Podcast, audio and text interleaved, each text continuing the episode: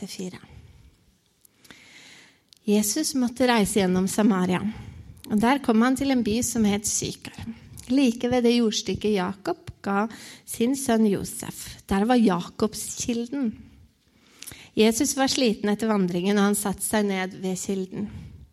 Det var omkring den sjette time.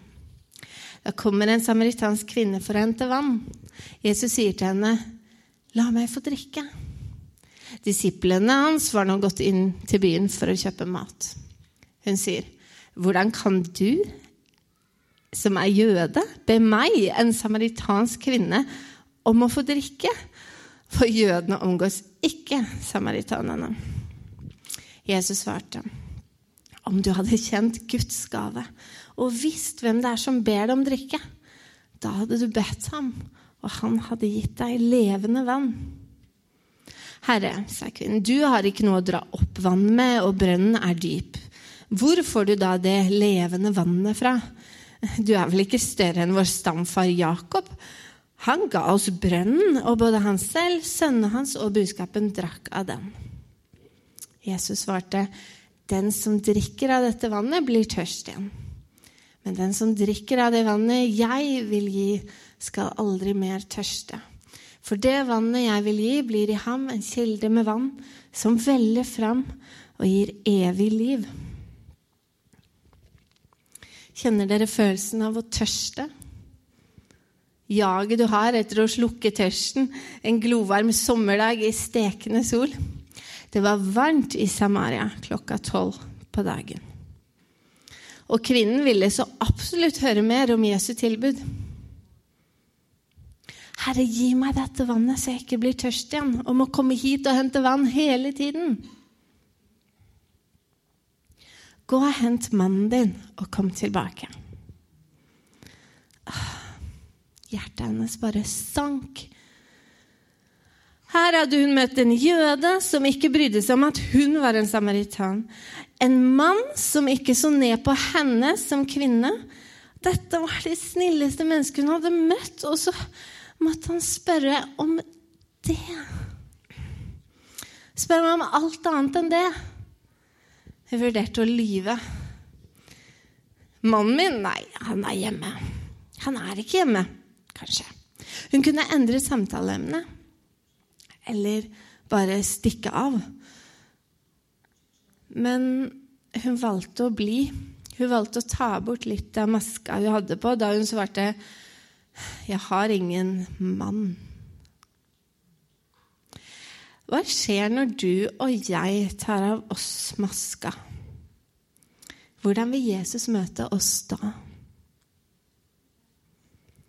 Hva skjer om du slipper ham inn i det mest nedstøvede og skitne hjørnet av livet ditt, der ingen andre får tilgang? Kvinnen lurte på det samme. Hun forventet kanskje sinne, fordømmelse eller avsky. Jesus avslørte og sa sannheten. Du har rett. Du har hatt fem menn, og han du er med nå, er ikke din mann. Hva? Ingen kritikk? Ingen fordømmelse? Ingen 'Hva er det du har gjort med livet ditt?' formaning. Nei. Jesus ser ikke etter perfeksjon. Han vil ha ærlighet. Så er det da ingen fordømmelse for dem som er i Kristus Jesus. Hva forteller dette deg om hvordan Gud ser på deg? Er det noe du holder tilbake fra Gud og ikke tør å overgi til ham, som han pirker borti nå?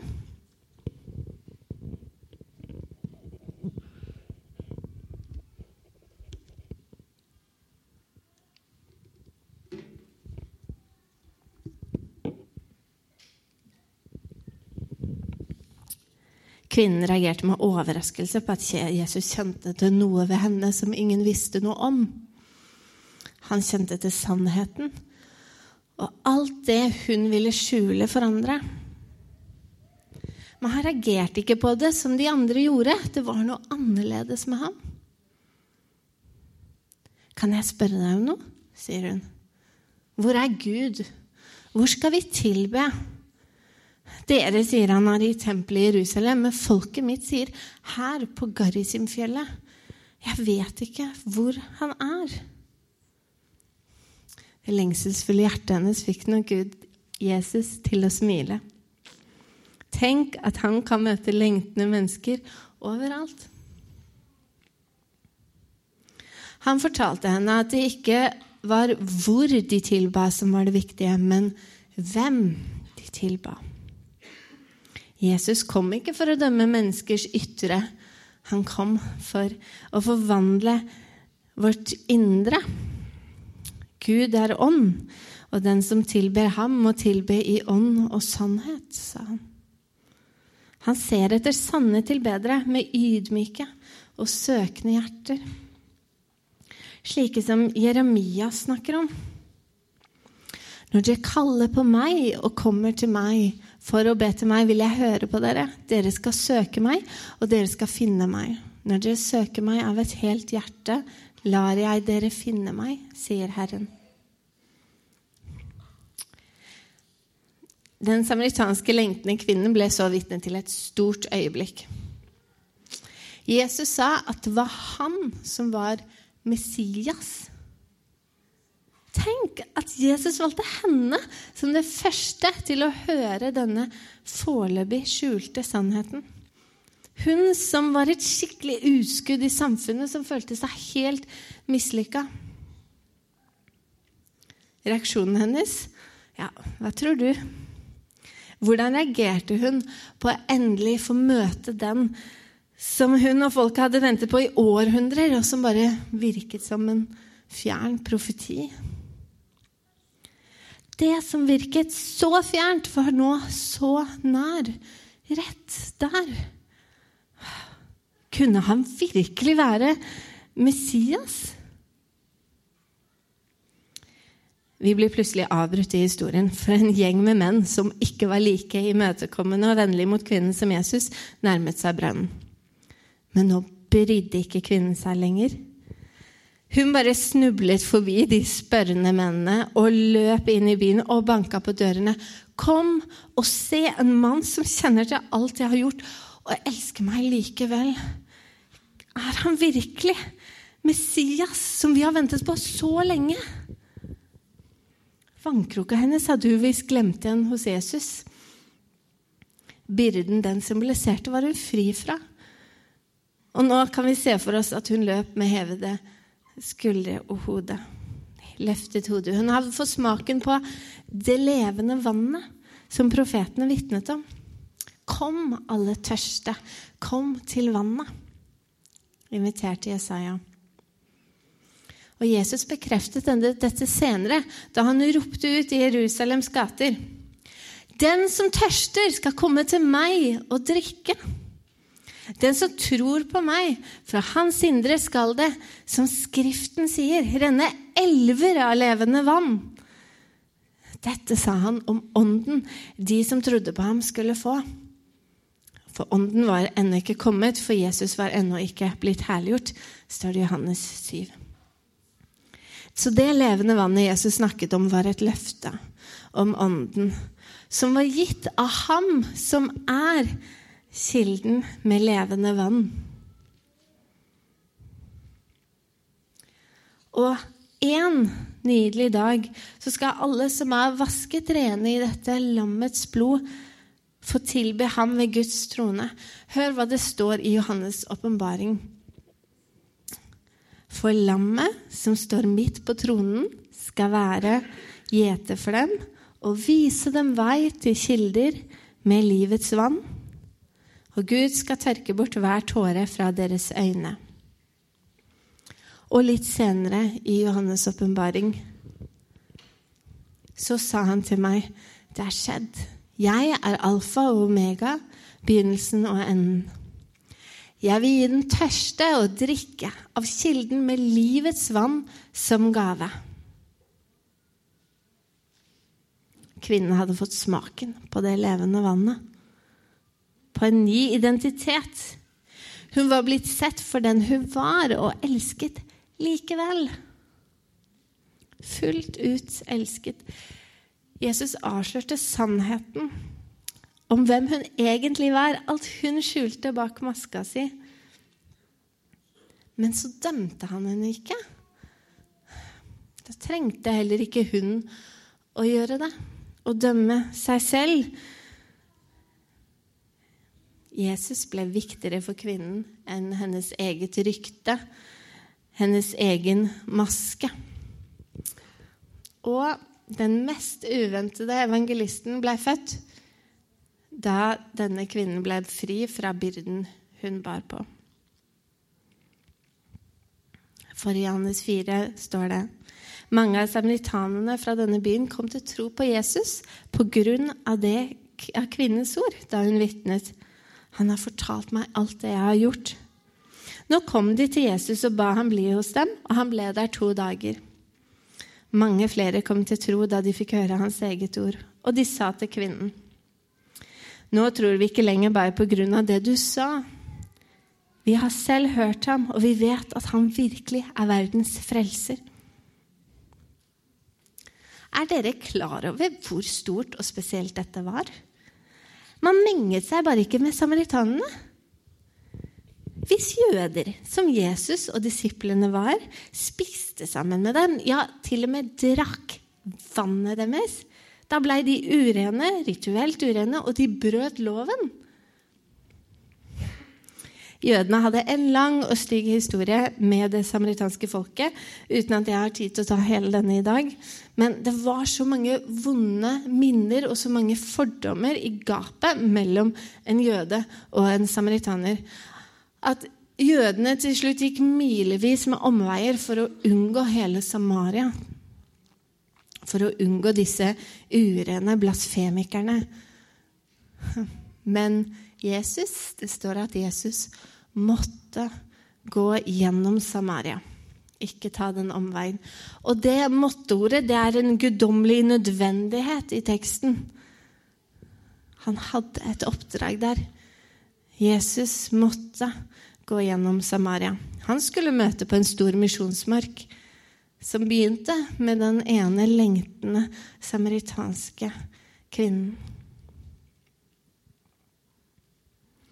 Hvor er det vi må gå?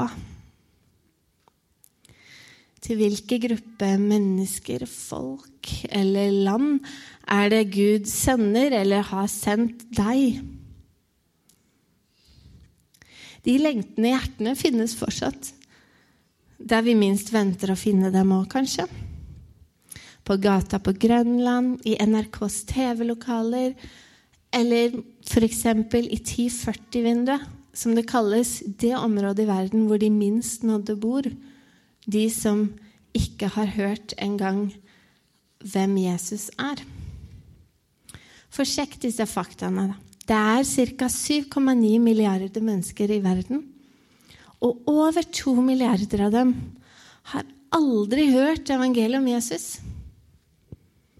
90% av disse minst nådde med evangeliet, de bor i områder som regnes for å ha stor motstand mot kristendommen. De fleste kommuner i Norge har innvandrere, og mange av disse er nettopp fra unådde folkegrupper. De har kommet til oss, altså. 80% av verdens muslimer kjenner ingen kristne. Og over 90% av muslimene i Nord-Afrika har aldri møtt en kristen største grunn til at folk blir kristne, er gjennom en personlig relasjon eller et vennskap. Men hvordan kan de påkalle en de ikke tror på? Hvordan kan de tro på en de ikke har hørt om? Og hvordan kan de høre uten at noen forkynner? Vi har alle et kall til å se de Gud ser, og se forbi maskene vi bærer på. Vi utfordres alle av Jesu kjærlighet til den ene. Du kan gjøre en forskjell med Den hellige ånd som bor i deg, og som kobler deg på kilden til levende vann. Tenk stort om livet ditt og hvor Gud har plassert deg. Lytte etter Guds ledelse og stemme for hvor han vil lede deg videre. Det er en lengtende verden der ute som tørster og lengter etter det levende vannet. Og vi har fått fri tilgang. La oss ikke la likegyldighet, livets bekymringer eller hverdagens stress komme i veien og blinde oss for at vi kan drikke fritt av kilden og la den renne over til andre. Nå skal vi synge en sang som nettopp utfordrer oss på dette. Tenk over det du synger, om du tør. Eh, Gud, vekk oss opp så vi kan tenke som deg. Se de du ser, høre de du hører. At våre hender skulle bli satt i gang i Guds tjeneste. At vi skal følge Hans kall for våre liv der vi er. Og se at vi er som kvinnen som har blitt sett og er elsket likevel. Så vi kan også høre med Guds hjelp hvert knuste hjerteslag.